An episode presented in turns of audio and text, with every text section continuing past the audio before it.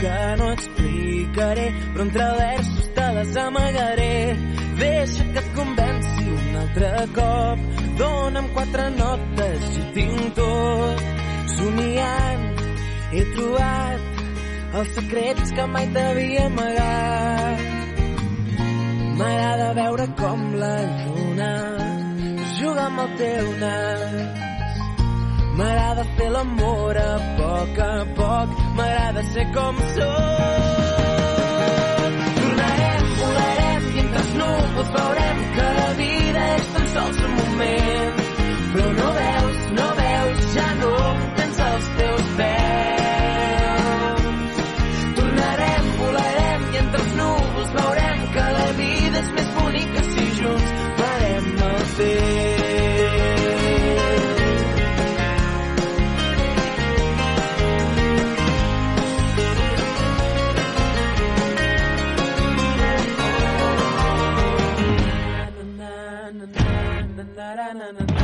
I entre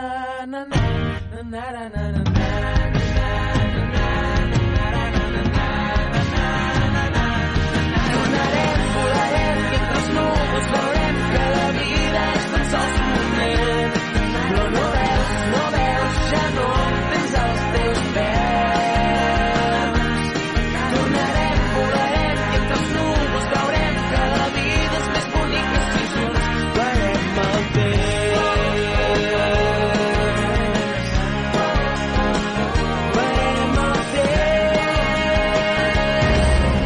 La veu de Vila. Tota l'actualitat a l'emissora municipal de Vila de Cavalls. Amb Marçal Llimona.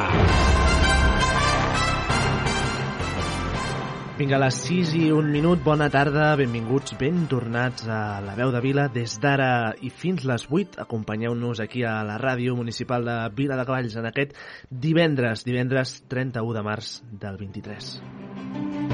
holding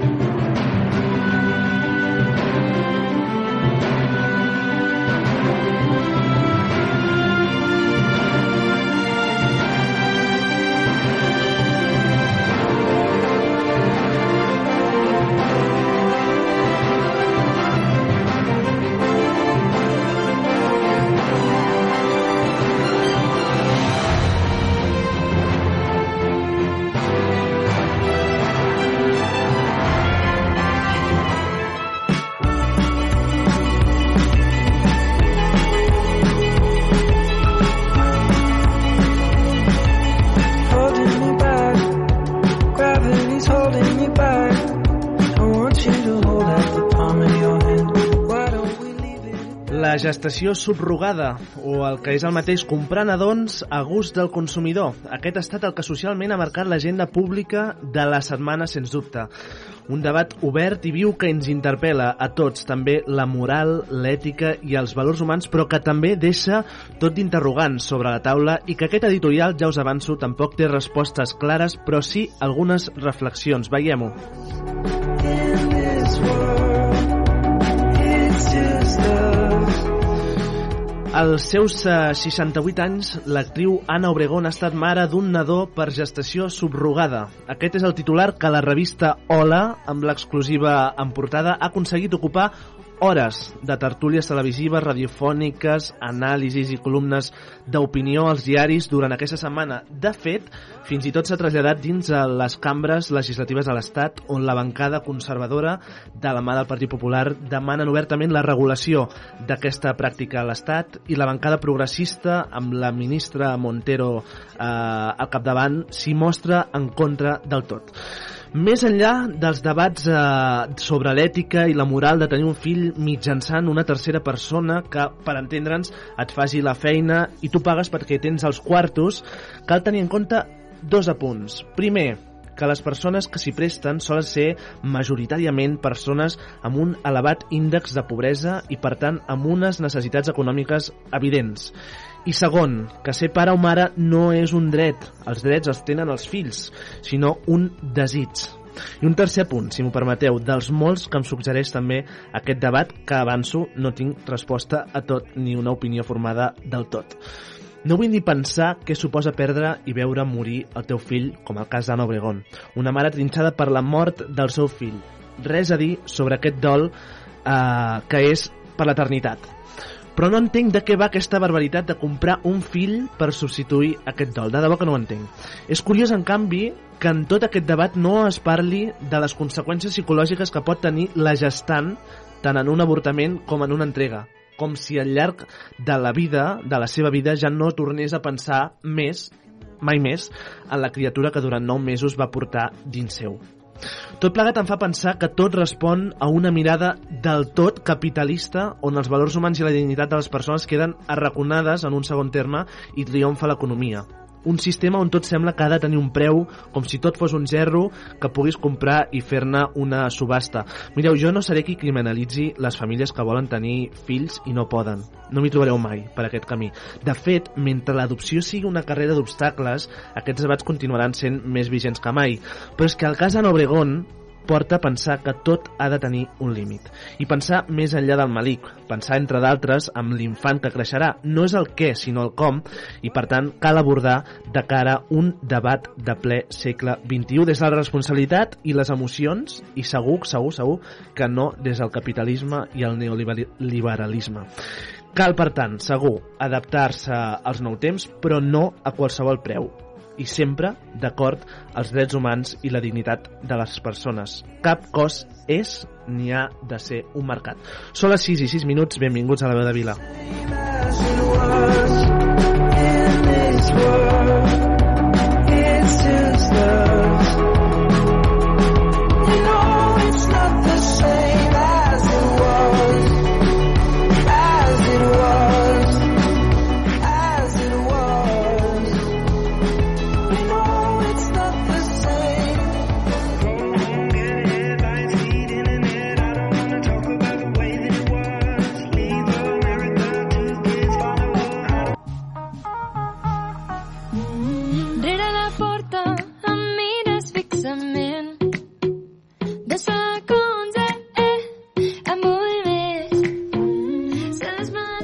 6 i 7 minuts de la tarda. Continuem aquí en directe a Ràdio Vila de Cavalls en aquesta tarda de divendres. Uh, Deixeu-me saludar Empar Molina, molt bona tarda. Bona tarda. Toma ja, avui et sentim amb una nitidesa, amb una claredat. Eh? Es nota que tens micro nou. Eh que sí? Bueno, Està bé, està bé això, eh? Que et tot sentim. anat més o menys. T'hem sentit amb molta claredat. No sé si aquí el públic m'ajudarà a fer un bona tarda d'aquell coral. Bona tarda, públic. Bona tarda! Veus que bé, escolta, escolta. Això és com una coral, per favor. Un aplaudiment per aquest públic. fa.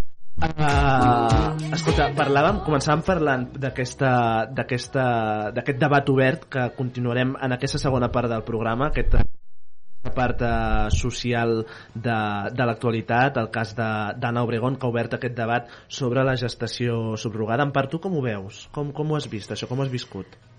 Bueno, mm, per una banda, és veritat que eh, que la persona que, que té la gestació doncs ho fa per necessitat i, i es posa la seva salut perquè jo penso jo he tingut dos fills i cada embràs pues, porta els seus problemes no? el que passa que bueno, la necessitat i a vegades jo sé d'alguns casos que ho fan sense, sense interès econòmic ho fan per ajudar amb una, cert, amb una persona coneguda no? a tenir un fill que ella no pot tenir jo l'Anna Obregón l'he seguida amb tot el seu procés hi ha persones que potser se, se conformen d'una altra manera. Ella l'he vist sempre molt desesperada per la mort del seu fill. Inclús inclús s'està rumorejant que l'esperma d'aquest- d'aquesta nena és del seu fill. Llavors moral, eh, aviam. Tot s'hi val? no, però aquesta, aquesta dona mm, no s'ha sapigut conformar amb la mort del seu fill. Ha lluitat en contra d'aqu- d'aquesta situació i suposo que abans no ha tingut aquesta nena als braços haurà fet mm, moltes moltes mm, no sé mm, reunions i, i haurà fet jo penso que inclús el que havia sigut el pare del seu fill estava d'acord amb això perquè ell, segons diu, ell ho sabia tot Veurem, veurem perquè és un debat que, que com dèiem, eh, Llavors no té... penso, mira, si, si ella viu els anys que, he vist, que estic vivint jo, la criatura tindrà 20 anys, quan... Vull dir, que tampoc és... av- Avui dia la vida s'allarga. Molt més. Es viu Mhm. més anys. Mhm. Va com va, eh? En tot cas, eh, Jo li aborda- desitjo que la pugui criar fins que sigui gran i, i que, que, que sigui feliç amb aquesta criatura. Mira, Ah. Uh, doncs en tot cas uh, ho abordarem com dèiem aquesta segona part de, del programa d'avui Mati Segura, bona tarda Bona tarda, Com què estàs? tal? Com estàs? Molt bé, Bé? encantada d'arribar a temps. Bueno, a temps no, una... Mira, a- acomoda't, acomoda't, seu. Uh, ens interessa, ara hem començat, uh, hem començat aquest programa uh, parlant sobre el cas d'Obregón, no sé si ho has Ah, pogut sí, seguir. i tant, clar. Uh, què en penses tu d'aquest debat uh, obert? Breument, breument, del, eh? Del cas de Nou Obregón no en penso res. El que sí que penso és la facilitat que tenim tots de jutjar eh, eh, segons les nostres creences o segons el que nosaltres pensem, no? Mhm. Eh, clar, eh, no sé res de l'Anna Obregón, vull dir, només sé que hi ha molts nens de fills de, de pares joves que no són desitjats i que ho passen malament. Mm, a partir d'aquí cada un, no? Uh -huh. Vinga, doncs uh, en tot cas uh, anem a començar amb la tarda d'avui i som-hi, comencem amb música. Et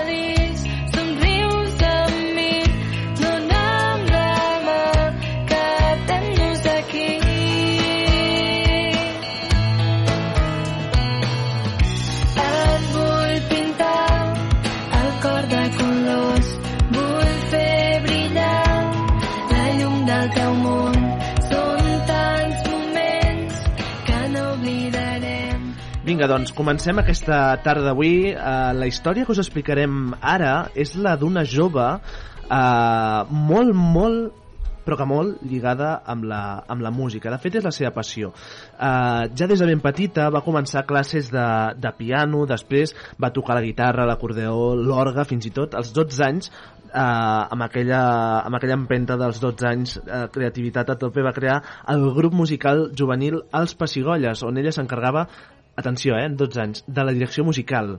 El grup va durar fins l'any 2017, un any que justament va estrenar el seu primer disc, aviam si ho diem bé, 17 Secrets, eh, uh, 17 secrets en anglès, uh, i més tard, dos anys més tard, l'any 2019, Invisible. Maria Jacobs, bona tarda. Bona tarda, què tal? Com estàs? Molt bé. Sí? Molt il·lusionada d'estar aquí. Que bé. Havies estat mai a Vila de Cavalls? No, la veritat és que no. No t'has però- perdut per entrar? Ah, no. Bueno, hi havia moltes curves, però ho hem aconseguit. Vale, vale, vale. A veure, abans de tot, uh, digue'ns d'on vens. Uh, mon pare és de Bèlgica Sí? i ma mare és de, de Valls. I vens de Valls. I jo vinc de Valls. Ara mateix. Ah, i pensava vens, de, de, de vens, no, no, no, no. de, de vens. D'on vens ara? D'on vens ara? Vinc de Valls. Vens de Valls. Valls, Tarragona. Sí, Eh? sí, sí, sí. Una hora. Por ahí. Ràdio Vila. Has vist? El poder d'aquesta ràdio. S'agraeix moltíssim, de debò. S'agraeix moltíssim. Compositora i cantautora, eh, és així? Sí. Quan fas música, quan crees i escrius, amb quin objectiu ho fas? És a dir, quan, quan comences a, a pensar, escolta, aquest pensament, perquè al final són pensaments, Mhm. entenc, quan et poses a crear, el vaig a convertir en una cançó. Com ho fas? Aquest procés com va? A veure, en el meu cas, eh, sempre m'inspira primer la, la melodia i llavors, segons el caire que agafa aquesta melodia, m'inspiro en algo més sentimental, en algo més romàntic. Vull dir, ens adaptem bastant en aquest sentit. Però hi ha molta gent que composa al revés, composa primer la lletra i després pues, la melodia. Doncs pues mira, cadascú suposo que, que ho va, com, pot. Va com va. Uh, escolta'm una cosa, t'hem escoltat en alguna entrevista uh, dir que uh, vols uh, equilibrar el fet que hi hagi poques dones al panorama musical català. Uh, com es fa això? Buah. Com s'equilibra? És que és, és un tema que també dona molt per tertúlia, perquè és que al final si... És un debat, eh? Clar, perquè crec que hi ha moltes dones de base que fan la feina molt bé i si no se'ls dona visibilitat, per molt que facin la feina Clar. molt bé, és que és impossible que arribin en lloc. Perquè al final, aquesta feina que estàs fent tu aquí ara, no? per exemple, doncs, portar dones a la ràdio que sonin, que tal, pues això ajuda, perquè al final, vull dir, no? com, com que a poc a poc la gent va coneixent i com que et va donar una mica més de valor, valor. a lo que fas. Mhm. És que total, hem, hem coincidit Sí. la... És que és això. T'has sentit mai invisibilitzada? Total. Sí? Sí, sí, sí. Com es combat això? pues al final és treball personal i treball teu, perquè al final t'has de creure tu a posar-te tu, un, no un preu, eh, però sí un, un, és que un valor, és que I la frustració de saber que fas molta feina, no? Perquè segurament t'has trobat Sí. en, un, en un estudi, no?, creant, Sí. i dir, i això a on va parar, ja, no? És, és un tema, és que de veritat que estic molt en aquest punt ara, perquè, mm, perquè o sigui, hi ha molta energia darrere de, de les cançons, Just. molt, a part de econòmicament, eh, vull dir, ja és energia i, i al final són sentiments reals Clar. que tu, que tu estàs com intentant mm, desxifrar a través de la música, no? I, mm, i que després no vegis com no recompensa econòmica, sinó recompensa com social, no? no ni social, eh? No sé si m'explico Sí, bé. i tant, i tant. Com, doncs, doncs també frustra en aquest sentit de dir quina llàstima que amb el poder de la música tu voler transmetre un missatge que el missatge no pugui arribar a tothom. M'atreviria a dir que en aquest estudi, en l'últim mes, han passat cada setmana almenys un cantautor o cantautora. És així, companyes? M'ho podeu confirmar? Sí, i tant. Confirmat. La veritat és que uh, ens fa especial il·lusió que, que siguis avui aquí. Uh, ara introduirem alguna veu més. Marina Muñoz, bona tarda. Bona tarda, què tal? Com estàs? Molt bé, i Has vosaltres? arribat bé? Arribat genial. No t'has perdut per No entrar m'he a Vila de perdut. Cavalls? Perquè déu nhi quina setmana d'entrades i sortides al poble que costa, eh? Uh, per, bueno, més que res perquè estan tallant i, i fent obres i, i en Sí, fi, sí. Uh, costa, costa. Uh, escolta, uh, Maria, la constància en aquesta feina teva és un requisit? Sí, Sí. total. I com ho portes? Uh, bé, l'únic és que la vida no és constant, no és, no és equilibrada, llavors uh, és molt difícil trobar aquesta constància pues, tenint bajones, tenint Clar. motivacions Clar, de clar, màxim. Llavors és, tu al final, tu mateixa trobes l'equilibri teu, no? De, de dir, pues ara tinc ganes de treure alguna cosa, ara no, ara... Buscar tu també el teu ritme, no? Que crec que això és l'important. Clar. Segur que hi ha hagut algun dia, ara comentàvem abans lo de, lo de que no, on va parar allò que faig, però segur que també has tingut algun dia eh, a la teva trajectòria com a, com a cantautora, no? que hauràs pensat ei, fins aquí va, val més que ho deixis córrer, no? sí. uh, T'has sentit així algun cop? Sí, sí, sí, mil I, i, vegades. com, i, com, i, I què has fet, no? Per revertir-ho i per dir, escolta, no, que carai, jo Mm. continuo, perquè porto des dels 12 anys, o abans, no? Uh, apassionada per la música, i per què ara amb, amb 20, 20 no sé quant, en, haig de, Em 24 va anys, costar. 24 anys ho haig de deixar ara quan estic començant a créixer, no? Sí. Al final és, és molt important amb qui et rodeges. És, és molt important. I més en aquest sector, perquè quan, quan sents una unitat que, o, o el grup, eh? Vull dir, estic parlant de tècnics, grup, família, amics, tot. Al final, si sents un suport, és que tires endavant. Per tant, l'entorn és L'entorn vital. és... Total, totalment. Um, en canvi, si trobes a faltar aquest punt, doncs és allò no, que... En, en, bueno, el que t'he dit, que, que la vida no és constant. Si, jo què sé, passa alguna a la família, doncs ja no et ve de gust Mhm. cantar. No, no és algo que sempre hagis d'estar feliç, no? Vull dir, Tens opinió de tot a la vida? el què? Tens opinió de tot a la vida sobre Ah, qualsevol opinió tema? de tot. Uh, bueno, opinió sí. vull Opinió dir, sí. Que sigui, que sigui vàlida. Home, és la teva opinió. Uh, què, en, què en penses dels programes musicals? Televisivament parlant, eh? Entres en el tema, eh? a veure, um, tipus Operació Triunfo, coses jo no així... concreto cap programa. Però, però, però d'aquest estil, eh, vols dir? De, la voz sí, de sí, tal, sí, eh? Sí, és a dir, sí. A veure, al final és, és un camí a seguir, és un camí que la gent decideix seguir o no.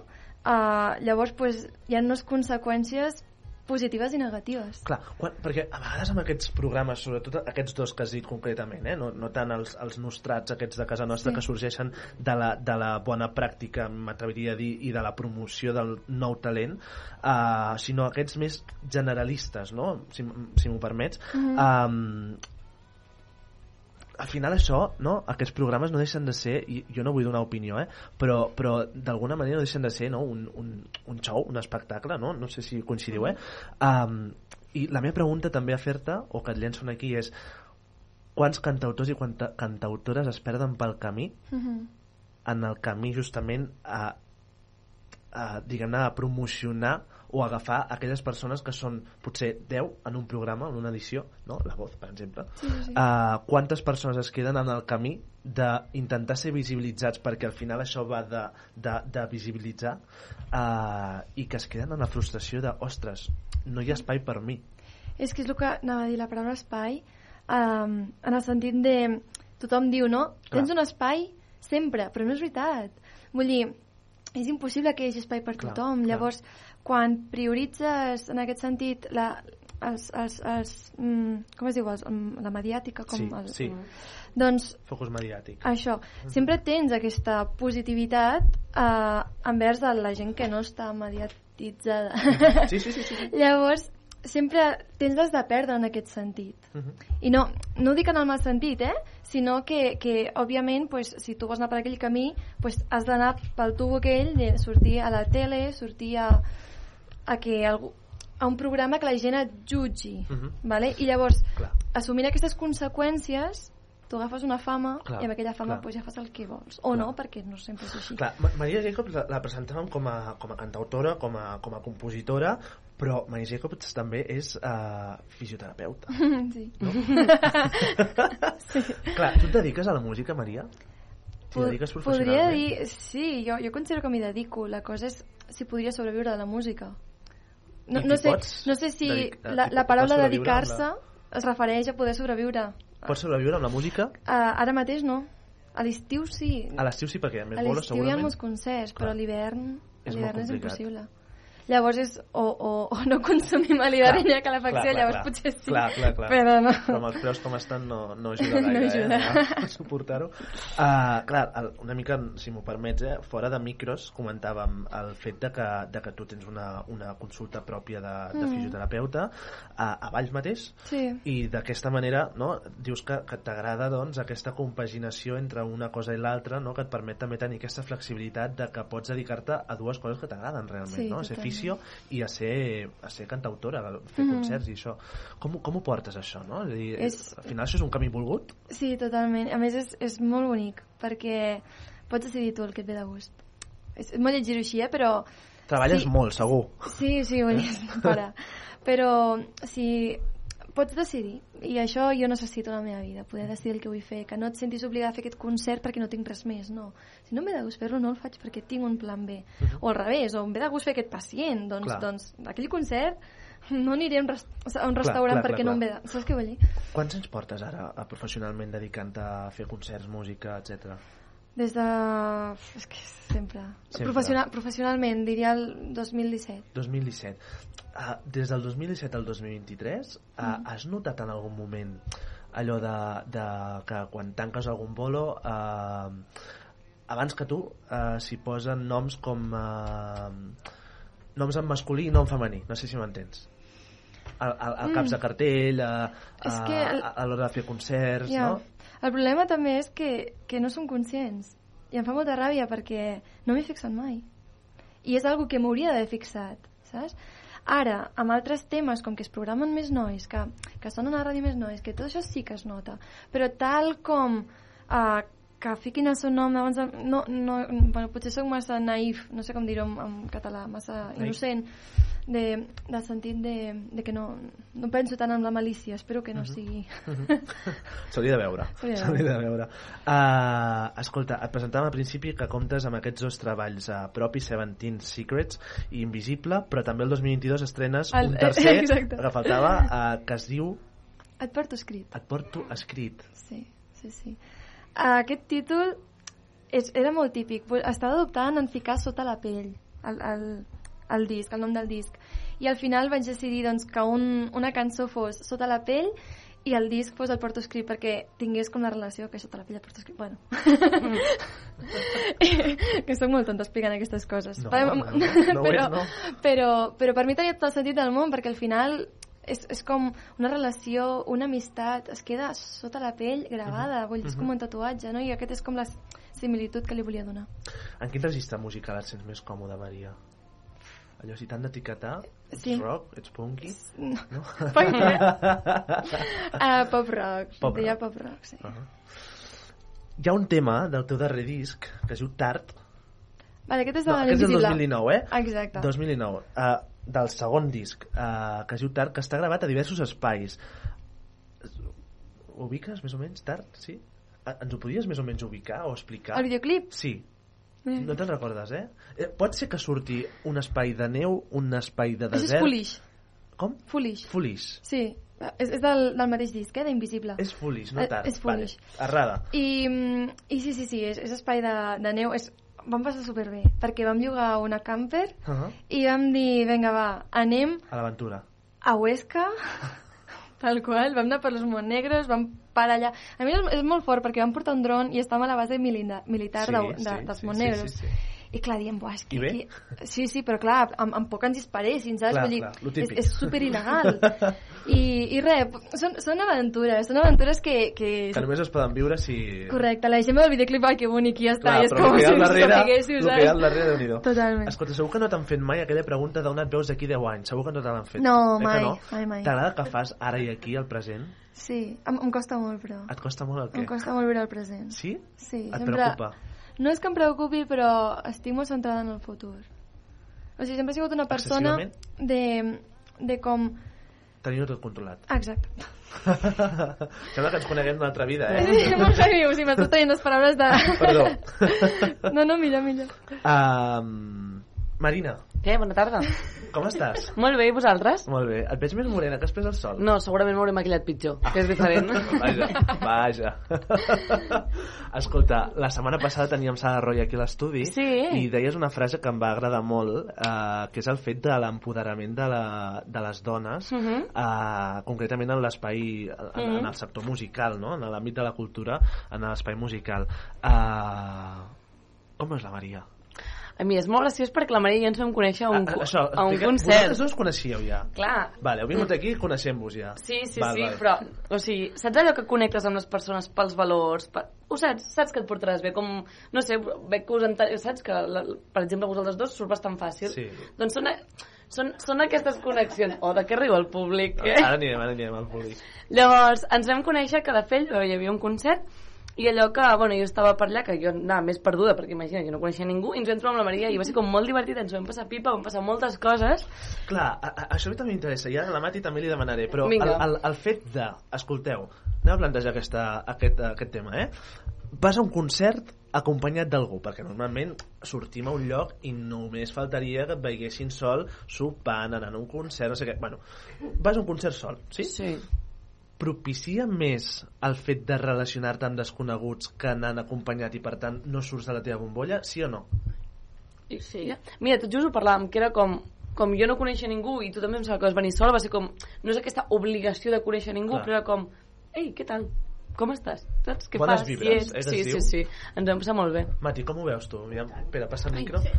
Ai, no, no, se- segur que sí. A veure, a, a part, eh, eh, quan, per exemple, en un concert eh, el, el, el cantant o el grup posa el micro al públic i tot el públic canta, la connexió i, i la cohesió que es fa és brutal. Aleshores, clar, eh, el concert és que eh, això ho, fe, eh, ho fem a tot arreu, a concerts o, o al camp del Barça, no? O sigui, eh, està, eh, surten els jugadors, està sonant l'himne, de repent paren l'himne i, i tot el públic es comença a, a cantar a capella. És una cohesió eh, grupal brutal, que no sé, si els, no sé si és això que els hi va passar a, a la Marina i a la, I la Maria. i a la Maria, però bueno, mira, ser, eh? home, eh, allà, eh, si després no hagués anat bé, no hagués anat bé, no? Però, però Escolteu, la setmana... La setmana bueno, va, siga, siga, siga. Considero que si vas acompanyat no és tan fàcil de que puguis relacionar-te amb altres persones. Oi? M'encanta perquè, la, perdoneu, eh, el, són les 6 i dos quarts de 7 gairebé. Uh, avui no tenim l'Antònia i la Marina ha portat xutxes. Males, perdoneu, que el català correcte s'ha de dir a la, a la ràdio Sí. municipal. La Marina ha portat gominoles i ens estem aquí uh, Perdó, perdó. Dic per si sentiu algun sorollet d'aquests de plàstic que després ho reciclem però que en tot cas són, són gominoles aquí. No et pillaran, eh, per cap lloc. sort n'hi ha de la Marina quan, quan se la necessita sempre. Va, escolteu-me una cosa. Um, la setmana passada crec que l'Empar sí que hi era i tu, en Mati, crec que vas arribar una mica més tard. Però m'interessa un tema que també m'agradaria abordar aquí amb vosaltres. Uh, i ja faig extensiu amb, amb tots vosaltres totes vosaltres um, com diríeu que són les relacions del 2023? Sí. Interpersonals, en plan de parella, d'amics. Uf. Lo bo sempre... Ara que parlàvem justament no? de, de relacionar-te quan vas a un concert tal, com, com, com són les relacions a l'any? Lo bo sempre... El meu pare sempre deia, lo bo ràpid s'acaba. Els bons sempre es trien ràpid. I també s'ha de saber molt triar què és el que et convé i el que no. Hi ha molta gent doncs, que hi ha coses molt tòxiques i has d'intentar evitar-les i aquestes coses. S'ha d'escoltar els pares, eh? Sí, jo la veritat és que sóc una persona que, i tu, perdona perquè ets el meu millor amic de tota la vida, però jo quan tenia un problema sempre li deia als meus pares. I els millors consells, encara que, o afortunadament a casa meva, sempre ho he donat a la meva família. I després ja us ho comentava a vosaltres. Sí, a casa sí que... Com són les relacions? En part, com diries que són? Home, Tu que també tens aquesta visió, no?, amb experiència de la vida, uh, com, com ho veus? Com, els com... temps són complicats, la vida mm, no és fàcil. Avui dia cada, cada vegada hi ha més complicacions, sigui per una cosa econòmiques... Però complicacions nostres que ens ho fem complicat o, o Eh, complicacions bueno, externes? És que les, les coses externes afecten Digues, i afecten clar. la relació entre les persones. Clar, clar, clar, clar. Eh? I com més problemes hi han externes, més, Més problemes... influenciant... Clar, més, més influència en, la, en les relacions personals. Maria, com ho veieu per aquí? Um, jo crec que en el cas adolescent, um, com que la gent és molt... s'ha acomodat molt i que com que costa molt sortir de la teva zona de confort. I jo m'incloc, eh? Vull dir, al final Segur. estem amb el nostre entorn d'amics i, i estem bé. Vull dir, al final... Um, dir, per què vull més amics? O sigui, queda, queda molt lleig dir-ho, però per què? Vull dir, al final Zona de confort. zona de confort, vull dir, potser ens estem perdent la nostra amistat de la vida, vull dir que estic superagraïda d'haver-la conegut, saps? Imagina't, o sigui, que, que a ve- a veure, no ens ha canviat la vida coneixent-nos, però, però Home, sí potser que és, que és una podria no estar a amistat... Radio Vila i això és, és un canvi clar, literal de la vida, eh? Clar, i hauria sigut llàstima, no? Que, no que venir aquí, clar. Clar, clar, clar. Volia dir això. No, però és això, és això.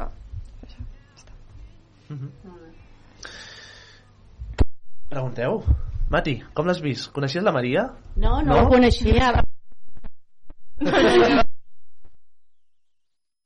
No, el, el que estava pensant això que, que, que, que dic que li agrada tenir-ho tot sota control home, la professió que has tri, les professions que has triat no tindrà res sobre, sota control per tant mm, Ja, sí, sí, a més, són dues Eh. professions que, que, entre cometes, has de tenir com el marge d'improvisació molt, molt ben...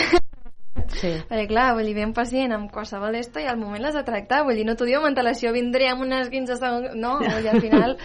I amb la música igual que no és, mai saps si funcionarà una cançó, si no, si et diuen que agrada. Llavors és com, dintre aquestes incerteses, doncs tenir com un control de dir, vale, això em funciona, això m'agrada, això mantinc. O Però... sigui que renunciem al control i la seguretat sos, eh, total a canvi de, de, del que tu deies, no? de dir, Clar. bueno, poder triar. No? Clar, clar, clar. Mm.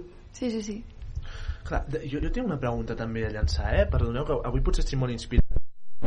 Però no, però eh, el, fins a quin punt també les persones en autoanomenades o anomenades influencers, no? sobretot pensant en el món digital de xarxes, eh, poden arribar a, a modificar el nostre, el nostre estat d'opinió I, i ja no només el nostre estat d'opinió sinó fins i tot el nostre estat d'ànim no? que això és potser una mica portat a l'extrem com, com, no sé, Maria, tu en el teu cas eh, eh, tu estàs en, allò, necessites les xarxes per, per promocionar, entenc? Sí, I, i, Crec- i quina relació sí. hi tens amb, no? amb això? Ho sé diferenciar bastant guai, perquè, perquè al final és que si no ho prens com una eina de treball és que forma part del teu món i és un món no realista que entres en bucle i d'allà costa molt sortir. Llavors, eh, tinc com l'Insta d'afició, que, que pues, allà també vaig publicant els serveis, i l'Insta de música, que, pues mira, vaig publicant els concertets i cosetes cookies, però ja està, vull dir... no, no estic per res tot el dia amb el mòbil de Mhm. necessitat. L'altre dia pensava, quan vam estar xerrant, vas marxar a casa i jo em vaig quedar aquí pensant, ah, pues mira el bé que m'ha passat, etc etc. Però pensava, quina tia amb, amb quins valors més guais, i crec que això ve acompanyat perquè mm, no t'han regalat res, tu has treballat tu, i en el moment que tu, per Déu vulgui que no, eh? Si la música no et funcionés, tu ja vas a tornada, tens una carrera, tens, la teva, tens el teu treball. Vull dir que mm. per això també estàs com més tranqui, no, no necessito um, a veure, sí que les xarxes són importants, però crec que no és com, bueno, necessito estar constantment a xarxes per estar present. Vull dir, tens la teva feina, tens les teves coses, i el guai és que amb les dues ets molt bona. I això és molt complicat. Toma. Però és veritat. Que mona, tio. Però és veritat, poder compensar... És com el, com el típic que anava a classe feia 8 esports. A veure, els 8 no pot ser bons. Però en el teu cas, i considero, i t'ho dic externament, no com si, com si no ens coneguéssim, eh? És complicat mantenir les dues i ho fas molt bé.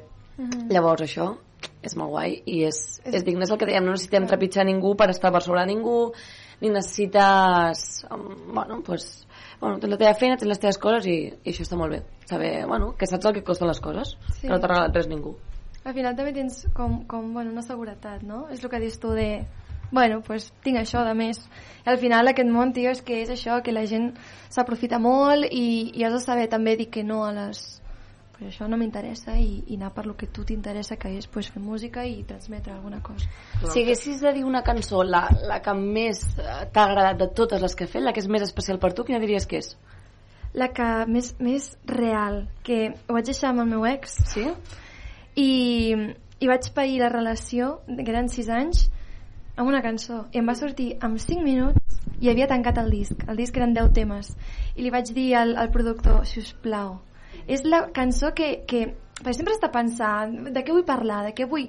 Allò va sortir tan natural que dic és que necessito que estigui, per, almenys per quan jo d'aquí 20 anys ho escolti serà com... Uf, saps? I el primer cop que la vaig cantar va ser ai, que ploro, que ploro però, però perquè, perquè és tan real, no al final per lo que deia, sinó perquè la cançó és molt normaleta vull dir, és acústica i, i veu vull O dir, no sigui, el titular és Maria Jacobs es va atalantar a Shakira. O sigui, I ja està, ostres.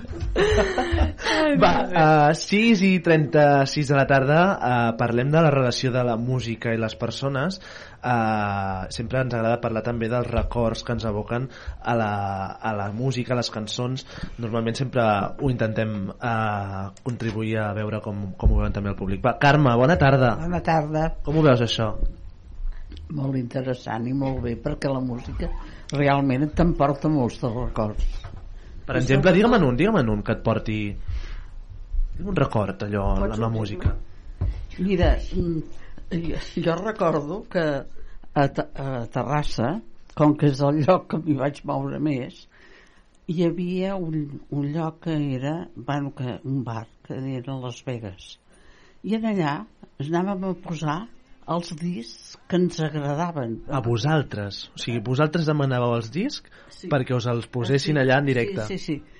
I, i, sé, I sé que a vegades hasta em saltaven les llàgrimes, eh? Imagina quina emoció. O sigui, clar, quan, vos, quan vosaltres volíeu escoltar música entenc que no teníeu un aparell i uns auriculars per escoltar-ho com a... No, sí. això era I, impensable. escolta, I a nivell de música, és a dir, vosaltres què, què escoltaves tu quan eres jove? Cantautors, eh, a part del Serrat, eh, que ja sempre me l'has dit molt. No, no, aquest ja... No, que... Mm, El Manolo Escobar, per exemple. el, El Manolito Escobar. Bueno, a veure, no, aquest encara no era dels pitjors que tinc. Clar, però fixa't que sempre que m'has dit algun referent musical són homes. Sí, sí.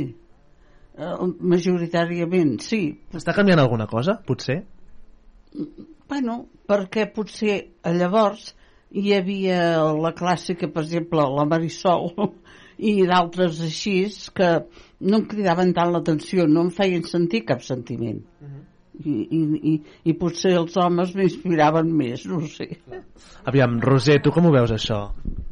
Com ho veig, què? És a dir, digue'm una mica la, la relació que has tingut tu amb la música també, eh, allò, quins records t'evoquen tu quan penses en música i allò... Home, en música sempre l'he tingut, perquè el meu pare ha cantat tota la seva santa vida. I ell cantava tangos. Per tant, mira, mira el que escoltava, tangos. La Marifé de Triana també, llavors, en aquells moments. La teva és de Navarra. Per això. aquesta. Doncs, aqu- aquesta música. I quan ja era una mica més jove, doncs el duo dinàmico i, i tots aquests. Hi havia més bona música abans que ara? O ara potser és més fàcil fer música perquè tens més mitjans? Jo crec que ara és més fàcil, perquè hi ha molta música que l'han fet una màquina. I abans era una música més popular, més d'una guitarra, un tambor, un piano, i ja estava, Amb el que hi havia. el que havia. Perquè no hi havia aquells bafles ni totes aquestes coses que ara t'ho canvien tot. Tot això tan moderno. Tan modern, que, i a vegades que ni canten. Mira si són moderns. Va, aviam, més, recollim més opinions. Aviam, Trini, com... Ui, espera, que ens acoplem aquí. Com, com ho has viscut tu, com, a a nivell musical, no? Digue'm un referent de música que hagis tingut que sempre t'hagi acompanyat. Igual que segur que tens un programa d'aquells de ràdio de capçalera que dius, hòstia, jo sempre em desperto amb el Basté o amb el Marçal. Doncs, uh, no? Em desperto amb el Marçal. Sí. Bueno, no perquè no fem el matins de Ràdio Vila, abans ho fèiem, eh, els dissabtes, i es despertàvem a gent. Posteria, eh? Despertar amb mi? a la ràdio, dic jo, eh? A la ràdio, ja, ja. bueno, a veure, eh, jo el referent de música era que anaves a ballar i tenies una orquestra, que li has preguntat a la Carme, sí. sempre eren cantants. Mai eren noies quan érem joves. Sempre eren homes cantants. Vull dir, totes les orquestes hi havia, a lo millor a vegades sí que et trobaves amb unes noies animadores que allà ballaven que no... Però ja eren les animadores i en un segon terme. Ah, això mateix. Però el cantant era un home. I el principal. El principal. I el cap de cartell, les fotos... Sí, sí, sí. sí. I, bueno, i llavors, doncs, bueno, sí, vull dir, jo tenia, doncs, el Nino Bravo, el Josep Guardiola, uh, vull dir... Homes. Sí, sí, sí, també. No, que no vull dir que no facin bona música, però em refereixo que, d'alguna manera... Però és que en aquell moment hi havia molt poques dones. Molt poques dones. Tot i que, mira, la meva mare cantava les cançons de la Concha Piquer, de, de la, de, i ella tot el dia cantava i eren cançons pues, de dones. Eh? Algú de vosaltres ha escrit mai una... Allò, o ha fet un intent mai d'escriure, no sé si un poema o alguna, algun tipus de història per arribar a musicar d'alguna manera? Ho heu fet mai? Ho heu provat? No, jo no ho he fet mai. Aquí darrere? No? No, no, no. Bueno, no, no, era curiositat. Aviam, am, am... Lluís, Eulàlia, que esteu molt callats, eh? M'ha tocat... Bona tarda, eh? Bona tarda, tinguem els pobres, els riscos del quin va. Això com sempre. Què més vols saber ara? Explica'm la relació amb la música que has tingut. Ah, jo, cull el que deia la Trini, la, la música d'abans. Jo me n'en recordo a la, a la sala, a la fleca, sí. la sala que anàvem a ballant allà per la festa major, que venien que venia orquestra orquestra dels instruments d'abans, no, no lo d'ara, no lo electrònic d'ara, no té res que veure la música electrònica d'ara amb l'orquestra d'abans. Jo, la d'ara, doncs, que no. Eh, jo me'n recordo d'una anècdota, eh, una orquestra que venia de Mataró, que en deien els Verds de Mataró, eh? I el, i el cantant o, o el que portava la batuta de l'orquestra eh, deia, diu, escolteu, Diu, no és igual tocar aquí dalt que tocar aquí baix, eh, els que ballàvem. Una anècdota. No, i ara jo et diré una altra anècdota, una, una pregunta que li has fet amb ella. Diu, hi ha espai per tots en la música? I ella ha dit, diu, no, no hi ha espai per tots. I jo rumiant, rumiant, rumiant, eh, això de l'espai, dic, ostres, dic, a nosaltres ens ha ensenyat, diu, si us porteu bé, anireu al cel, si us porteu malament, anireu a l'infern. Hi haurà espai per tothom? O és molt gran? Les reflexions del Lluís que sempre ens fan pensar, eh? Uh, escolta, algun apunt més? No. Doncs, escolteu, fem un minut de respir, sí? I escoltem a Maria Jacobs, sí? Què et sembla? Sí? Doncs pues vinga, va.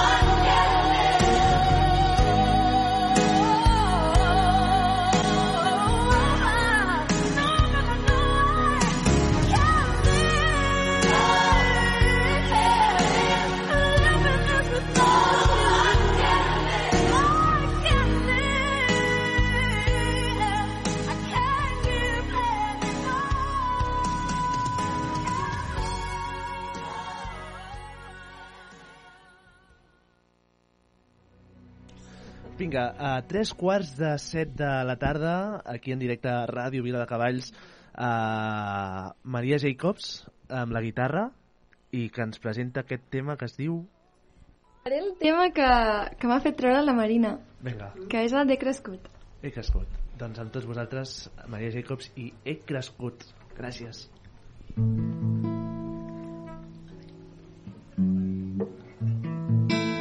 Perdoneu, afino bé. Afino bé. Cap problema. Aquestes coses al directe ens encanten. No, no, no, aquest temps, que en sec fa fred, en sec fa calor. Això també li va passar a la Sara. Ah. Sí, senyor. Que amb el fred i la calor... Sí, sí, les guitarres, la fusta, de veritat, eh? I tant, i tant. Ara. Aquí. Ja comencem a ser experts, eh, aquí. Perquè un diu les coses, no sé què, l'altre... No. Ja sabeu tot, En fi. Vinga, Vale. Maria Jacobs.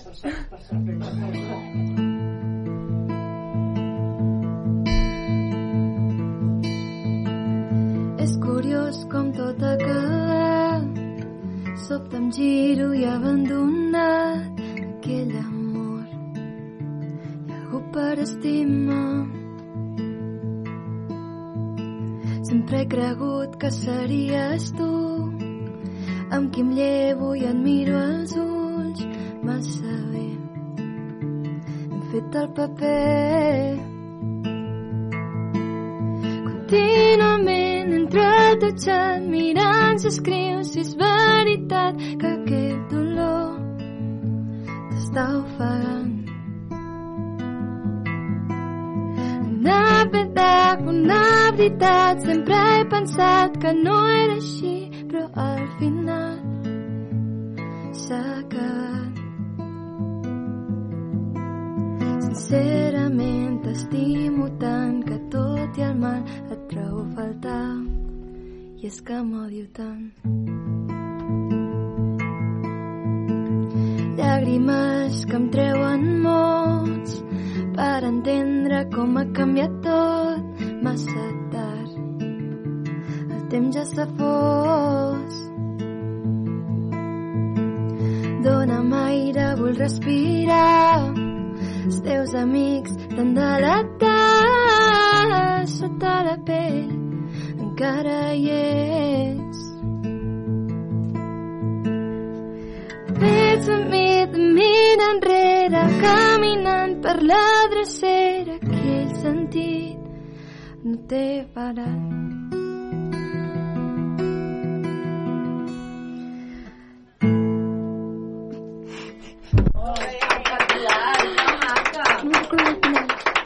Maria. És que no, no me'n recordava l'última estrofa. bonic. No passa res. No passa res.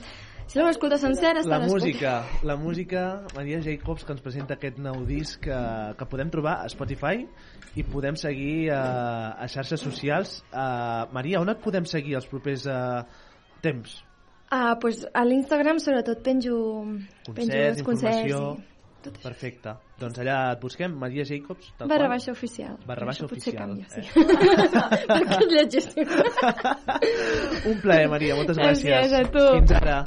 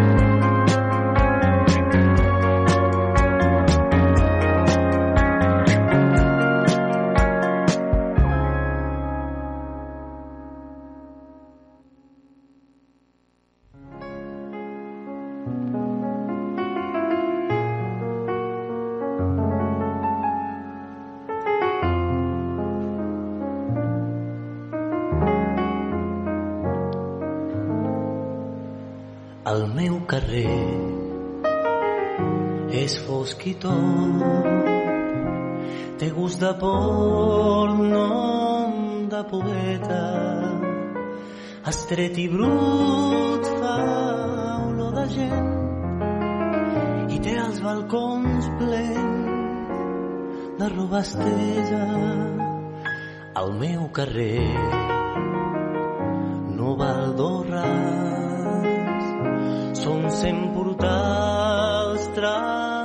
trencats a trossos i una font on van a veure infants i gats, coloms i ossos. És un racó.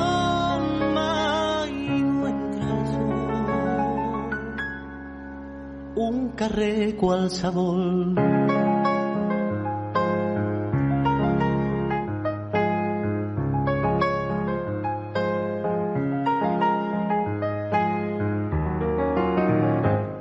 Carrer té cinc fanals perquè els xavals llencin pedrades. Hi ha una pensió i tres forns de pa i un bar a cada cantonada. El meu carrer és gent d'arreu que penca i veu que sua i menja i es lleven amb el primer sol i van al futbol cada diumenge o a fer esparralla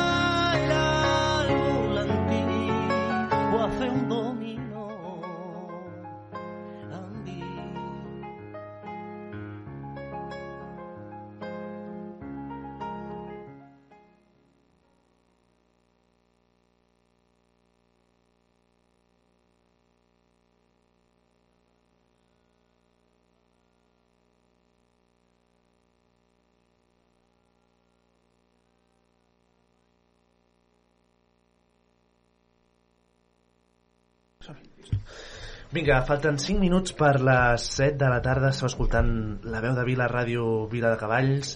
Sergi Tarrés, bona tarda. Bona tarda. Com estàs? Bé, Tot bé, bé? bé. Sí. Montserrat. Raonable.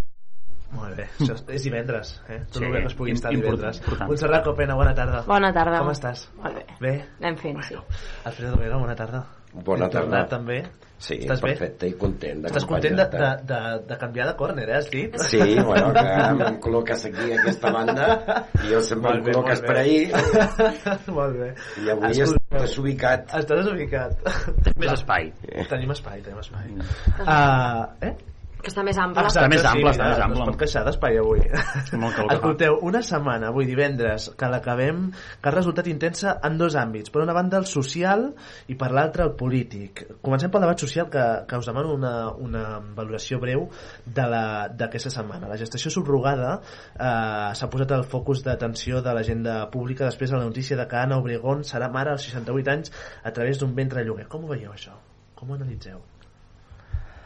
No tant la notícia, sinó, no tant la notícia, sinó el debat no? de, la, de la gestació subrogada. Bé, jo penso que hi ha un, un fons i és que la societat pel davant va molt més endavant que la legislació perquè ens trobem amb problemes que segurament la nostra legislació no contempla i per tant aquí ens trobem una mica desubicats també en el sentit de que una persona en definitiva sense cometre cap eh, acte punible en el seu país marxa fora, ho fa i torna eh? i la veritat jo penso que és que bueno, la tecnologia és un món que canvia cada dia cada dia i evidentment tot això repercuteix en, en la vida de la gent, en la vida normal i les legislacions dels països van molt més enrere que tot això i ens trobem en situacions d'aquestes que que bueno, podríem discutir des d'un punt de vista ètic i moral, des de la moralitat o la ètica de cadascú, segurament, si aquest acte doncs, eh, és eh, d'alguna manera és, eh, té bondat o no. Jo va ser de sorpresa i bueno, eh, podria fer alguna valoració que no crec que sigui molt adient. Um, és, és, té una data estupenda per ser iaia, la senyora Oregón. Em sap greu, però aquesta nena naixerà sense, bueno, ha nascut sense una mare i amb unes possibilitats que en 20 anys ja sigui òrfana ja. Que no li faltarà de res avui no sé qui estava escoltant a la ràdio que no li faltarà de res perquè tindrà pa- padrins, tiets, tindrà de tot. Sí, exacte. Però no tindrà una mare. Aquí vaig llegir que la llei prohibeix que entre la mare i la filla hi hagi més de diferència 45 de anys una diferència de 45 anys. Per tant ja sabia on anava per fer el que va fer ho considero un gest d'egoisme perquè si, et- si necessites realitzar aquesta part de que bueno, t'ha passat el que t'ha passat, que és molt greu el que t'ha passat, però vés a fer voluntariat, hi ha molts nens que necessiten ajuda, hi ha molts centres socials, hi ha... mm, Inclús teràpia. Inclús No? teràpia. Està perquè- clar, perquè- suposo no, no, que en té, però Clar, clar, clar. suposo que ha passat per tota la teràpia de del la, món. des, de la, des de lo terrible que suposa el fet Exacte. de perdre un fill no? No, no. I de, no? Dir, amb, Amb màxima amb l'empatia total, però el fet de tenir un fill amb 68 anys considero que és un gest d'egoisme. En aquest cas, en aquest cas particular que ha estat, ha estat bé que ha obert el debat una altra vegada que, ja, que sempre està en sumort eh? fa anys que se'n parla d'això i no s'acaba de resoldre mai Eh, en el cas particular, això que dèieu de l'edat jo crec que és molt determinant. En aquest cas concret, de fet, per adoptar hi ha un límit d'edat també, per tant, presumiblement no és perquè sí, no és casual que hi hagi un límit d'edat- un límit d'edat, efectivament. Llavors és important. Ha fet fortuna un mem d'aquests que a, a la il·lustradora, la Flavita Banana, ha fet Mm. córrer aquests dies, que deia, se la veia amb ella dient, ostres, que bé, això de la, de la... una cosa així com eh, el que he fet és agafar la meva depressió i passar-li a una altra, no? Més o menys. Uh, I vaig pensar una mica de... Bé, no? Uh, per tant, ha sobre la seva depressió. Això, insisteixo, el tema del debat, anar una mica més enllà, jo sí que m'agradaria entrar al, al, al punt aquest més, l'anàlisi més ètico-moral, diguem-ne, no? És a dir, aquí entrem en un terreny molt perillós que és la mercantilització de sers humans. Jo crec que això és molt important perquè hi poden haver moltes casuístiques i fins i tot allò de no, la llibertat de la dona de decidir, sí, sí, jo estic totalment a favor d'això, evidentment, però, ho dic perquè hi ha qui fa trampa amb aquest debat i ho barreja tot, però una casuística que pot ser molt particular. Una persona que tingui una necessitat fa això i resulta que als 8 mesos la família que, que ha volgut pagar per això, que és rica, diu no, ara m'ho he repensat i no ho vull. Qui es queda aquella criatura? Per tant, estaria a favor És un en problema, contra de la- mercantilitzar és una mala, jo crec que és molt mala idea. estaria a favor o en contra de la regulació de la... Hi, hi havia una, una frase de, de, de Julio Anguita que deia que quan, a partir de que tu tens les necessitats bàsiques cobertes ets comences a ser lliure per poder decidir de veritat no?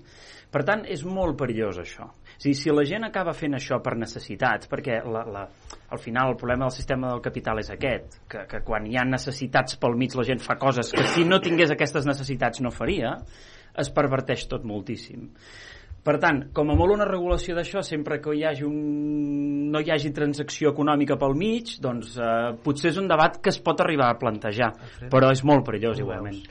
Bé, jo eh, estic d'acord que és veritat que és una mercantilització. D'altra banda, també està, pues, d'alguna manera, mm, aquesta llibertat d'una dona cedir el seu ventre, i això també ho hem de considerar.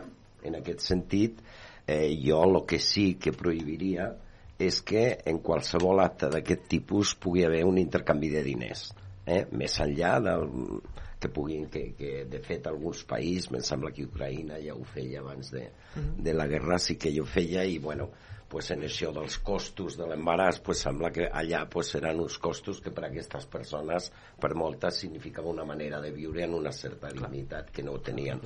Per tant, eh, és un tema que, que jo crec que té molta complexitat i que I no real... de, no de fàcil resposta, eh? Que a, No. vegades la, les tertúlies que també aquests dies No. anem escoltant i, i llegint articles, sembla que tothom hi entengui molt, eh? Però, però de, No, no, de, de, debò que és, és un No, debat no, molt no, complex. no.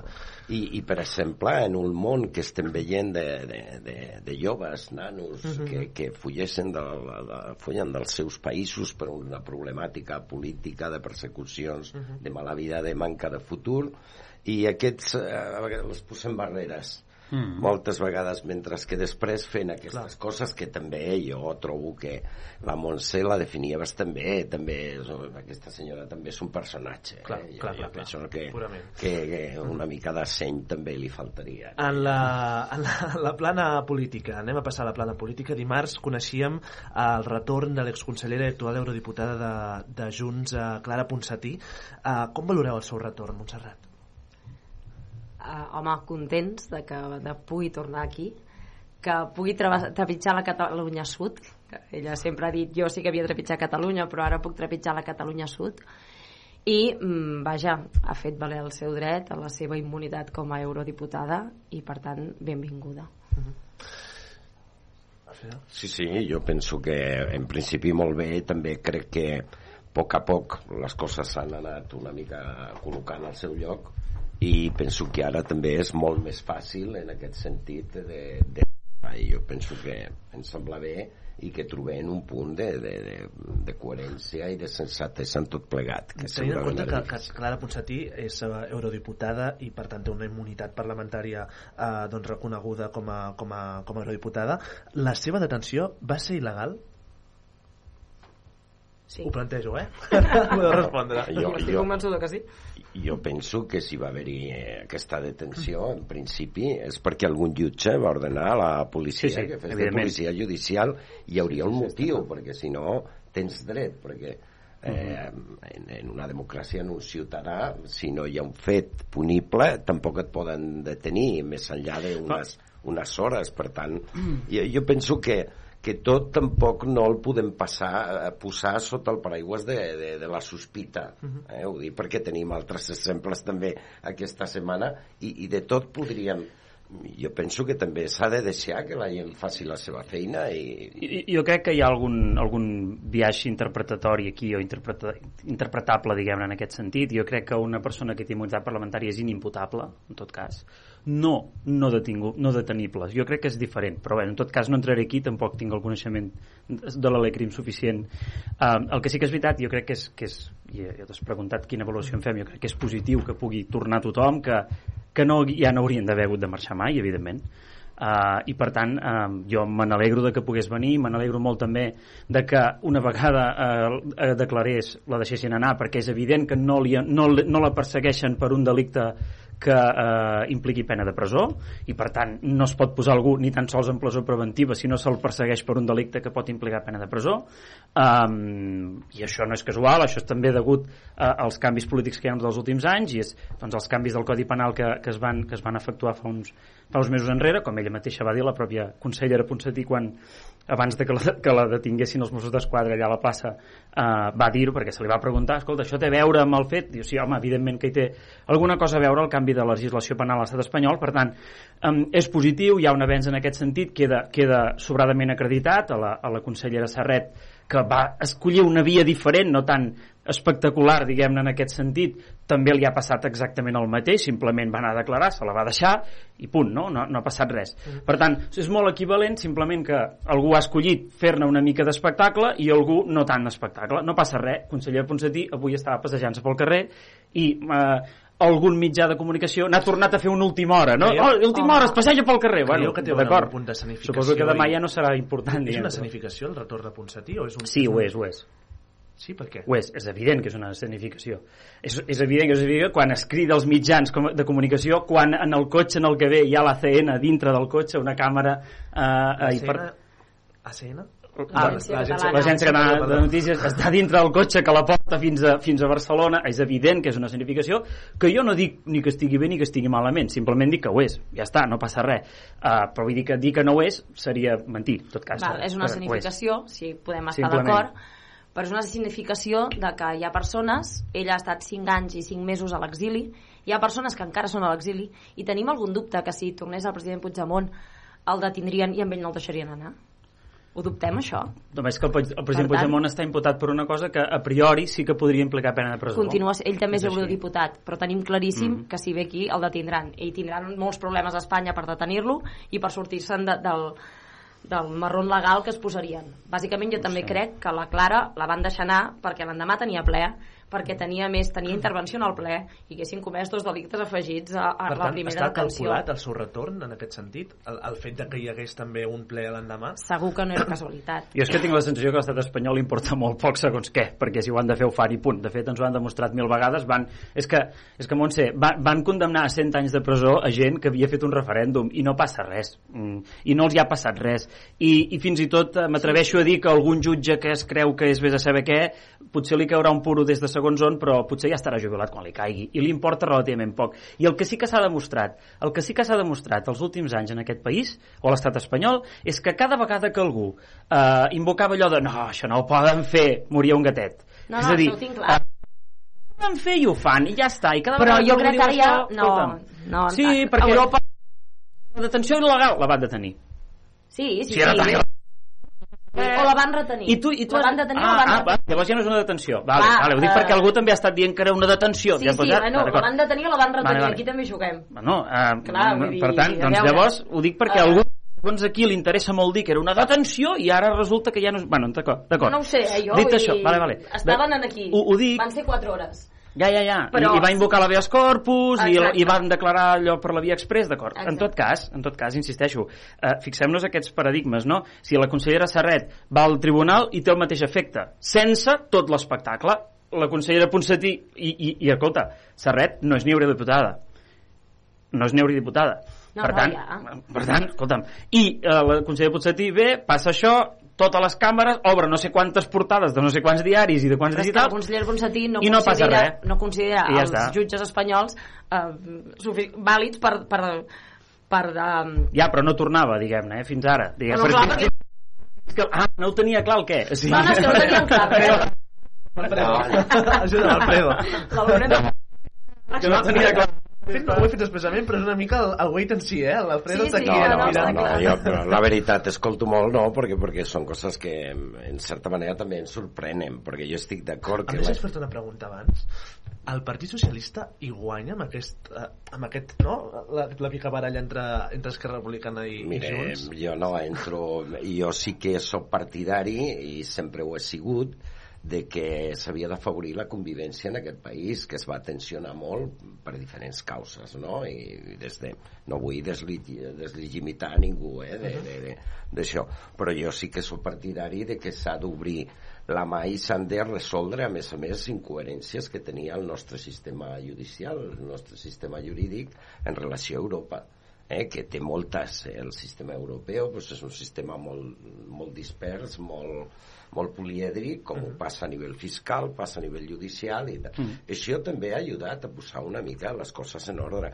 Jo penso que, que eh, en la justícia jo no és que sigui que digui no, mire, jo crec que en la justícia perquè sempre no, la justícia també té errors però és evident que en un sistema de, de judicial que tu tens capacitat d'anar a estaments que estan per damunt inclús de les lleis del teu propi país perquè formes part d'un espai com la Unió Europea és una garantia.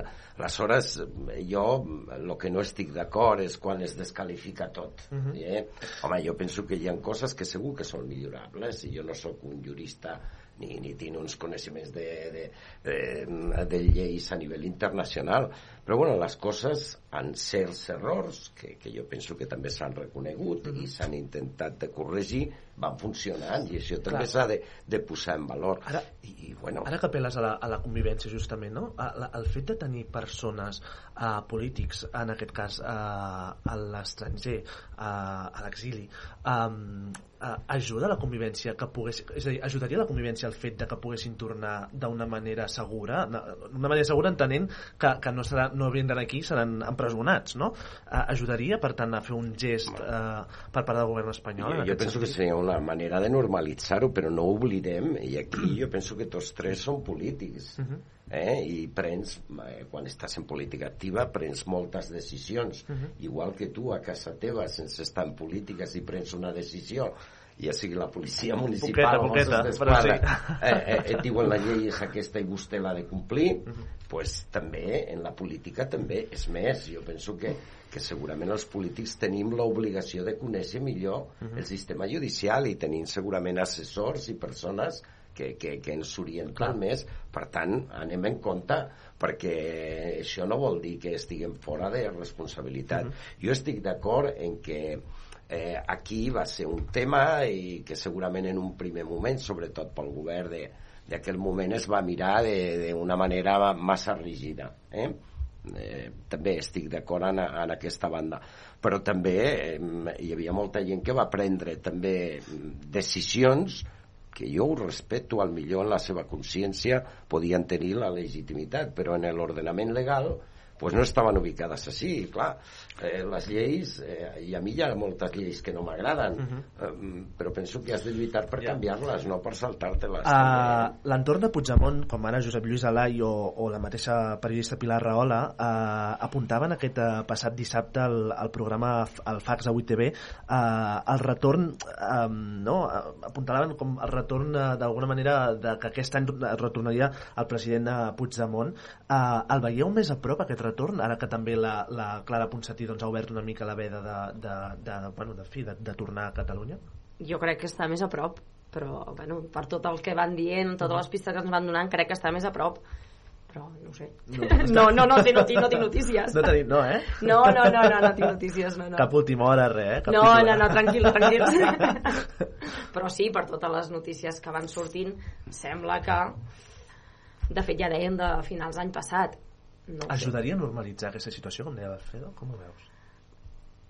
si, pogués, si el president Puigdemont tornés i, i no el detinguessin exactament, sí, clar, però dubto que passi Mm, mm, Jo no, no tinc cap bola de vidre, ja m'agradaria. Segurament tindria, estaria forrat. Eh, i, però el cas és que no ho sé, i com que no ho sé, només puc dir que m'agradaria que pogués tornar, evidentment. I, I jo crec que sí, que contribuiria a que, a que les coses es normalitzessin, no sé com dir-ho, eh? és que no sé, la paraula no m'agrada gaire, eh? però, No, però ja, jo crec que ens hem entès, eh? ens hem entès. és que- Ah, normalitzar la situació de que, de que persones és que és, no anomalia, és anu, seva, una, una anomalia que en una democràcia hi hagi d'haver gent que hagi de fugir de casa seva per una cosa una cosa que els mateixos, que tots els, tots els jutges, diguem-ne, eh, fora de l'estat espanyol, que han, en algun moment o altre doncs, han hagut d'intervenir en aquestes causes que hi ha obertes, eh, diu, han dit, i aquí no es diu gaire, de fet no es diu gens, i és que no entreguen a segons qui perquè consideren que amb la justícia espanyola no tindrien un judici just. I això en algú li hauria de fer reflexionar. De fet, eh, el, el jutge Marchena, i no, no ho dic jo, ho diuen gent que, que ho han dit públicament, eh, en, en privat, diu que ells saben que van fer una barrabassada al Suprem i, i que doncs, potser s'hauria d'haver fet d'alguna altra manera i que segurament doncs, eh, bueno, en fi res que, que no sapiguem tots els que, els que segurament som aquí no? I, que, i que el Tribunal Suprem o que l'estament judicial va retorçar d'una forma molt exagerada la norma i la llei eh, eh, i l'enjudiciament criminal doncs, per poder fer una, una sentència exemplaritzant. És evident que això va passar i ho sap tothom i fins i tot el mateix mm, diguem-ne jutge ho, va, ho sap i, i, i en segons quins cercles doncs, gent del seu entorn ho, ho diuen. Per tant és evident. Això Uh, per tant, tornant a lo de Puigdemont ostres, és que hauria de tornar Puigdemont hauria de, tornar, de poder tornar qualsevol persona qualsevol persona mm, d'aquest país ha de poder-se passejar pel seu país amb normalitat Sí, és que no... mm, Sí, és que a més a més estem parlant de que algú que està encausat per fer votar la gent, per fer un referèndum. És que és una bestiesa que en democràcia que no hi ha ni un, ni un sol precepte legal a la Constitució ni en lloc que el prohibeixi. Perquè és que l'any 2006 el Codi Penal existia, hi havia una pena i Zapatero la va, la va treure, el govern Zapatero va, va treure la, la pena del referèndum doncs aquests senyors estan encausats i perseguits per haver fet que la gent pogués anar a votar això és una bestiesa i que i que aquí s'hagi normalitzat en segons quins àmbits que això, bueno, és el que toca. Home, doncs és bastant gros, no pot ser. Per tant, és evident que seria una bona notícia que el president Puigdemont, la Marta Rovira, eh, el, eh, el Toni Comín, etc poguessin tornar a casa seva. El Lluís Puig. el Lluís Puig que poguessin tornar, si els hi dona la gana tornar, evidentment, també, eh? perquè aquesta és l'altra, és a dir, no, ningú està obligat, Mm, també és, és, vull, vull dir-ho. Home, jo dubto que no, que no tornéssim No, sabent no. els lligams que tenen tots aquí, Sí, eh? Montse, però ho dic- el ho dic que, perquè- El que els hi ha passat estan allà. Ho, ho dic perquè no, no Sí, ho prejutgem sí. tampoc, escolta, No, no. jo què sé, eh, cadascú que faci el que li doni la gana però que pugui fer-ho. Està clar. No? Vull dir això, simplement. Més coses en la plana política. En aquest divendres, divendres 31 de març, ahir es feia pública aquesta sentència cap a la presidenta Laura Borràs, presidenta de Junts, condemnada a aquests 4 anys i mig de presó i 13 d'inhabilitació per, eh, per prevaricació a l'espera d'una condemna, condemna ferma. Um, primer de tot, com valoreu aquesta condemna, Alfredo? Home, jo és el que deia, tampoc podem barrejar tot, perquè si no al final no sabrem on estem. Jo el que... I jo conec els mitjans de comunicació i els mentires polítics, que és on mou, i suposo que la majoria. Això ve per una qüestió diferent. Eh? i bueno jo ja dic, fins on tinc coneixement jo no he vist ni la causa ni l'acusació però el que sí que he vist que sembla provat que aquesta persona sense benefici propi això també, jo penso que no és és un tema també molt important Mhm. per mi però sí que va amb el que es diu fraccionar contractes que precisament per poder adjudicar-los de manera directa perquè aquí són de l'administració pública i saben com funciona això. I és evident que a partir d'unes determinades quantitats i de tot això tu has de fer un concurs públic i es presenta a tothom De- i fins a unes quantitats doncs ho adjudiques pràcticament a dit de cara, eh, demanant de pressupostos cara a la valoració jo és de el que he vist eh? de, de cara, Alfredo, de cara a la valoració de la pena aquests 4 anys Sí. i mig de presó que li demanen a, a Laura Borràs eh, serien aquest, és a dir, tindria aquesta contundència de 4 i mig eh, sent eh, presidenta fins ara eh, del Parlament de Catalunya que no sento, és a dir, sent una de les cares visibles dins del món independentista i, i també presidenta de Junts eh, és a dir, tindria el mateix eh, grau de contundència aquesta pena sent qui és que no si fos una exdirectora que va ser de les let- de l'Institut de les Lletres Catalanes com, jo, com ho veus? Jo, jo crec que en, en un tema de fraccionament de contractes em sembla que és la pena mínima aquesta. Eh? Inclús he vist per primera vegada que jo no l'havia vist en, i tinc una edat, mai havia vist que un tribunal posés una pena i el mateix instés a l'Estat algun... Sí, hi ha, hi ha algun a- cas. eh? Hi, ha, hi ha algun cas. No és gaire habitual, però de pa, Bueno, vegades i- passa. I segur que és legal, perquè si Sí, no, sí, sí. suposo que no ho farien. Però jo no, no, no, no, re- no, no sabia si en un cas que en principi ja dic que és un cas atípic, perquè es pot dir que és, eh, és una il·legalitat que molta gent pot dir corrupció, però tampoc hi ha un interès personal. Per tant, és, és un cas una, una mica especial, no? Ara, mm, eh, si posem tot en qüestió, jo... No, ja dic- Montserrat va dient que no. Ah, la, la condemna la trobo una bestiesa la sentència és una bestiesa no hi ha hagut fragmentació de contractes això és el que ens han volgut fer creure i és el que ens han venut Bueno, però això es Ah, demostra, no. Montse. sí, sí que es demostra i tant, i ho han demostrat en el Eh. judici en un judici ple d'errades ple, ple, bueno, ha, ha estat un disbarat rere un altre de judici. Han fet el que han volgut en aquella sala. Ja l'últim dia l'últim dia que tenia l'al·legat final el jutge mai pot tallar a la a l'acusada i el, la va tallar fins a tres vegades. Això és, això és causa d'anul·lació de judici. Ja començant per aquí. No hi ha fragmentació de contractes perquè eren contractes diferents per anys diferents, per anys literaris diferents i aquests contractes no arribaven als 18.000 euros. I ja està, per això no hi ha fragmentació. Perquè no té res a veure l'any Bertrana amb l'any eh, Vinyoli. No tenen res a veure, són dos anys diferents són dos anys literaris diferents i es van contractar amb un senyor que però, mm, però, aquest eh, senyor s'ha de veure quin és l'objecte del contracte eh? i jo recordo i, i a més a més ho, ho dic com tot això de, de, de per exemple la intervenció de dir-te escolta ves en compte que això no, no és No, no, així però és que han ho, ho volgut- dic per exemple No, no, però és que han- Alfred, tu has sigut alcalde de Terrassa. Sí. Aquest fet de, de la, del control cap a, la, cap a les contractacions públiques, eh, hi ha un control eh, previst dins de la I- i legalitat? un, un, control previ perquè tu secretari, per abans de fer contractació Uh -huh. hi ha un control també que la pròpia intervenció i Intervenció, o la secretaria sí, et pot dir mira, eh, puc parlar no ara m'estic re- recordat d'un tema no eh, per exemple a Terrassa hi ha diferents empreses municipals Sí. en un principi cada empresa contratava la seva empresa auditora Uh -huh. la que li havia d'auditar els comptes, que és una obligació que tens Mhm. legalment, i en un moment l'interventor diu no, no, vostè té que fer-les totes i fer un concurs perquè si no això pot ser un fraccionament a partir d'ara es faci. Un curs públic. Eh, però, ho- ho- però, però no, jo torno al fraccionament. La secretaria, el que dius que els tècnics de l'Ajuntament han de valorar la secretaria de l'Institució de les Lletres Catalanes en cap moment va dir això perquè estan ajuntant quatre anys diferents que són quatre anys literaris diferents i per tant són contractes diferents. Val, el cas és que, el cas No és que, és que el, el, el, el cas és que Laura Borràs no està condemnada per fraccionar contractes perquè no és un delicte és una irregularitat d'acord? Laura Borràs, es- i ho- diguem-ho, perquè és que es juga constantment, Montse, i ho sabeu perfectament, amb aquesta confusió. Es juga constantment. I la premsa d'aquest país, una bona part, ho ha comprat i ho replica. I és mentida. Laura Borràs no està condemnada per fraccionar contractes. Laura Borràs està condemnada per prevaricació i falsedat documental per beneficiar que és un delicte penal que implica penes de presó que el fraccionament de contractes no Tens raó. Això és precisió. important llavors, Sí, sí, sí. no, és que és la clau de tot Bueno, perquè hi ha el que passa alcaldes que- hi ha... que- perdona, Digue'm, digue'm. el fraccionament Sí. és l'instrument que li Correcte, permet d'acord, d'acord. la prevaricació. D'acord, però ho dic perquè ho, ho, ho, ho dic perquè aquest, raó, aquest matí raó. escoltava Laura Borràs a la ràdio i justament, eh, segons qui li deia, no, no, no, jo no, jo no he fraccionat. No, a veure, tornem-hi. Laura Borràs no està condemnada per fraccionar contractes, atès que a més a més això no és un delicte penal, sinó que en tot cas és una regulació administrativa. Uh, està condemnada per dir-li per escrit per escrit a un senyor condemnat per narcotràfic, per cert, Que per ella no sabia. Segur, segur. Per escrit. I això, a mi, en fi, com ho havia de fer per escrit?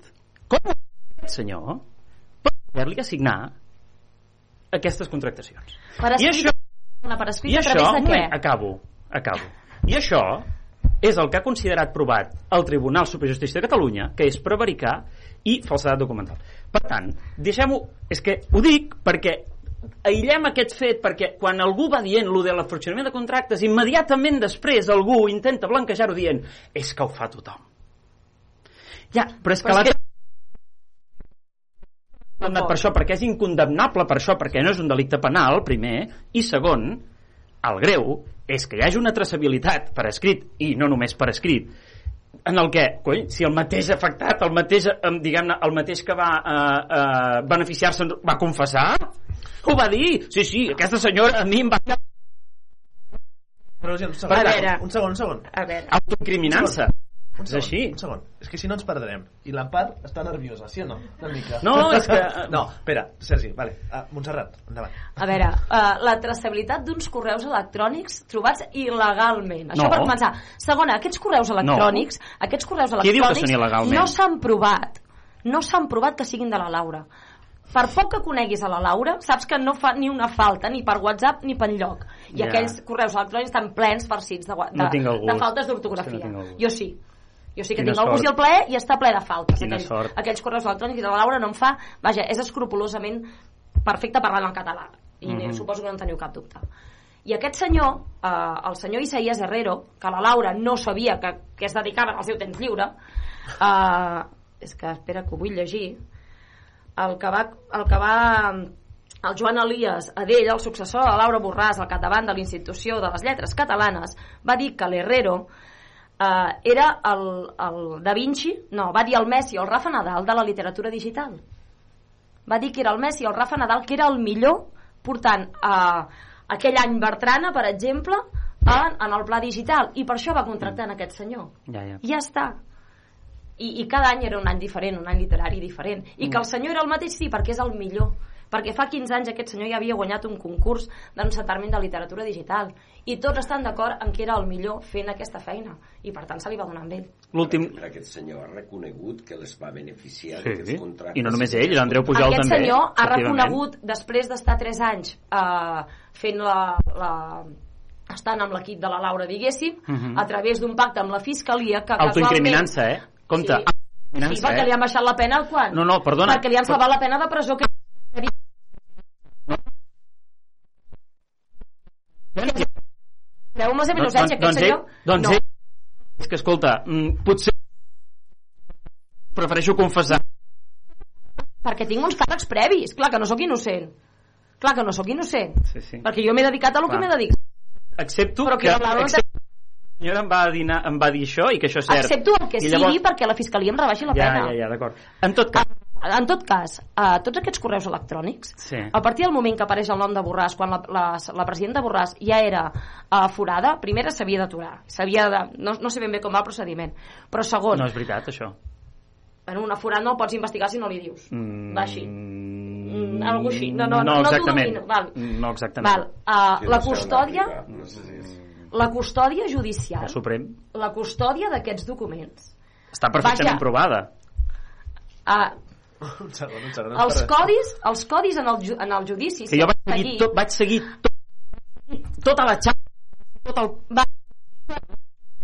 i era absolutament Sí, sí, sí, sí. És que- que, un codi, que un codi hash, que és el codi que et, et guarda allò, que el, el pendrive et cau i casualment Ah, es clar, canvia clar. el codi. És, és màgia. Sí, sí. Jo em cau el telèfon a terra Mira, i se'm canvia el una codi. cosa i, i les estratègies quan ja no en tens cap altra que és el que ha intentat fer el Boye i que no se n'ha sortit, és intentar legitimar les proves. És l'última cosa, quan, perquè quan ja no tens més sortida, fas això, perquè ja saps que no... En fi, és igual. En tot cas, eh, que quedi clar, fixat al marc, no es condemna per fraccionar contractes perquè no és un delicte penal. Es condemna per prevaricar i per falsedat documental. Comencem a perdre amb els hash i el, els USBs i soma. Uh, tornant a la qüestió uh, i aquests últims 5 minuts uh, de tertúlia uh, Borràs davant d'aquesta uh, condemna uh, hauria de dimitir o aguantar com diu ella Alfredo A veure, això ja també és una qüestió ètica. Jo crec que quan tens una sentència, en principi, que et condenen per un fet i s'ha aprovat, jo en principi crec que el que ens toca és dimitir. Eh? Jo és la, la meva opció. Això no vol dir, perquè clar, aquí estem en un marc també de que sembla que, pues jo què sé, si tot és una conspiració, pues aleshores no anem a aquell lloc. Jo, jo crec que el que tocaria en aquest sentit tenint una sentència ja no és una acusació jo penso que sobretot les persones hem de defensar la nostra dignitat, la nostra honestedat, tot el que vulguis, però també hem de defensar les institucions que representem i en aquest sentit jo crec que el propi des del meu punt de vista molt humil, eh? no, no, no vull a ningú portar-lo al que jo pensi, però, però penso que sí que el que tocaria seria dimitir. Jo crec que l'única pregunta que cap fer és eh, el fet d'aguantar o no eh, en què beneficia o perjudica el Parlament de Catalunya, la institució com a tal. Si la permanent ombra de corrupció sigui... No és corrupció. No, en cap no, moment... esclar, esclar que no, esclar que no. En ca... Perdona, Esclar que en no cap és moment corrupció. D'acord, d'acord. està acusada de, de corrupció i no hi ha sentència ferma. D'acord. Partim d'aquesta base. A, a partir del moment... per molt que ho repetiu, del per molt que el moment- president Aragonès surti per la tele repetint la paraula corrupció tres vegades amb unes moment declaracions què- indecents, no vol dir que, es fa, que sigui veritat. Per tant, no parlem Home, de corrupció, mi- sisplau, a mi- perquè no a és mi- corrupció. A mi el que em sembla, perdó, eh, a mi el que em Ah. sembla tremendament indecent és al costat de companys del mateix partit que han estat a la presó per un delicte polític, per una persecució política, amb gent del seu propi partit que està a l'exili per haver fet un referèndum, es posi al mateix nivell. Això a mi em sembla d'una indecència d'una immoralitat absolutament imprescriptible i que no crec, no entenc, en sèrio, però em sap greu, eh? no entenc com alguns companys això ho permeten. Inclús Perquè és els jutges... indecent, indecent. In, inclús els jutges... La, La- és evident que això no és 1 d'octubre. La Laura no està acusada per ser 1 d'octubre, és evident. Però ja si no fos independentista i hagués defensat com defensa la parlant independència, d'una no altra estaríem... cosa. No, no estem parlant d'una altra Estem cosa. parlant d'una altra cosa. Estem parlant del mateix. No, no, no. no, no, no. la geografia espanyola trobaríem. No, no, no, per, no. Sí, La, la Laura Fanosa, i ho No, sabem. no, a sí, no no, tu no, cosa, a tu no, precisament a tu no. Sé que Madrid que a Madrid, jo he estat aquests dies per Madrid i estaven tots tremolant perquè la Laura Borràs no plega. No, Estan no. tots- No cal, a veure. no cal, no cal, no cal, no cal anar Això a és Madrid. mentida. No, no Això és mentida, no. I... Mentida. Mentida. Això és Val, mentida. No passa res, perquè no passa res, diguem-ho. Sí, bueno, és que, No, ja és, està. que és evident que és mentida. Sí, no No, és, clar és, que que, no, és, és que és una obvietat. És a dir, No és cap obvietat. des del primer dia intentant mm, tirar una cortina de fum per dir que és una perseguida política i que tot allò és mentida i que en ella, ella no ha fet res mal fet i per tant la, la millor de, de, seva defensa és un atac contra d'altres dient tal. Però és absolutament innegable que ella no se la persegueix per, no és una perseguida política perquè, escolti, vostè mm, un, un, Si ella una no- els Mossos d'Esquadra. Perquè de fet hi ha hagut un moment que s'ha dit no, això va ser no, no, disculpa d'Esquadra, quan a més a més els Mossos d'Esquadra els comandava un càrrec del seu partit. Per tant, tot aquest,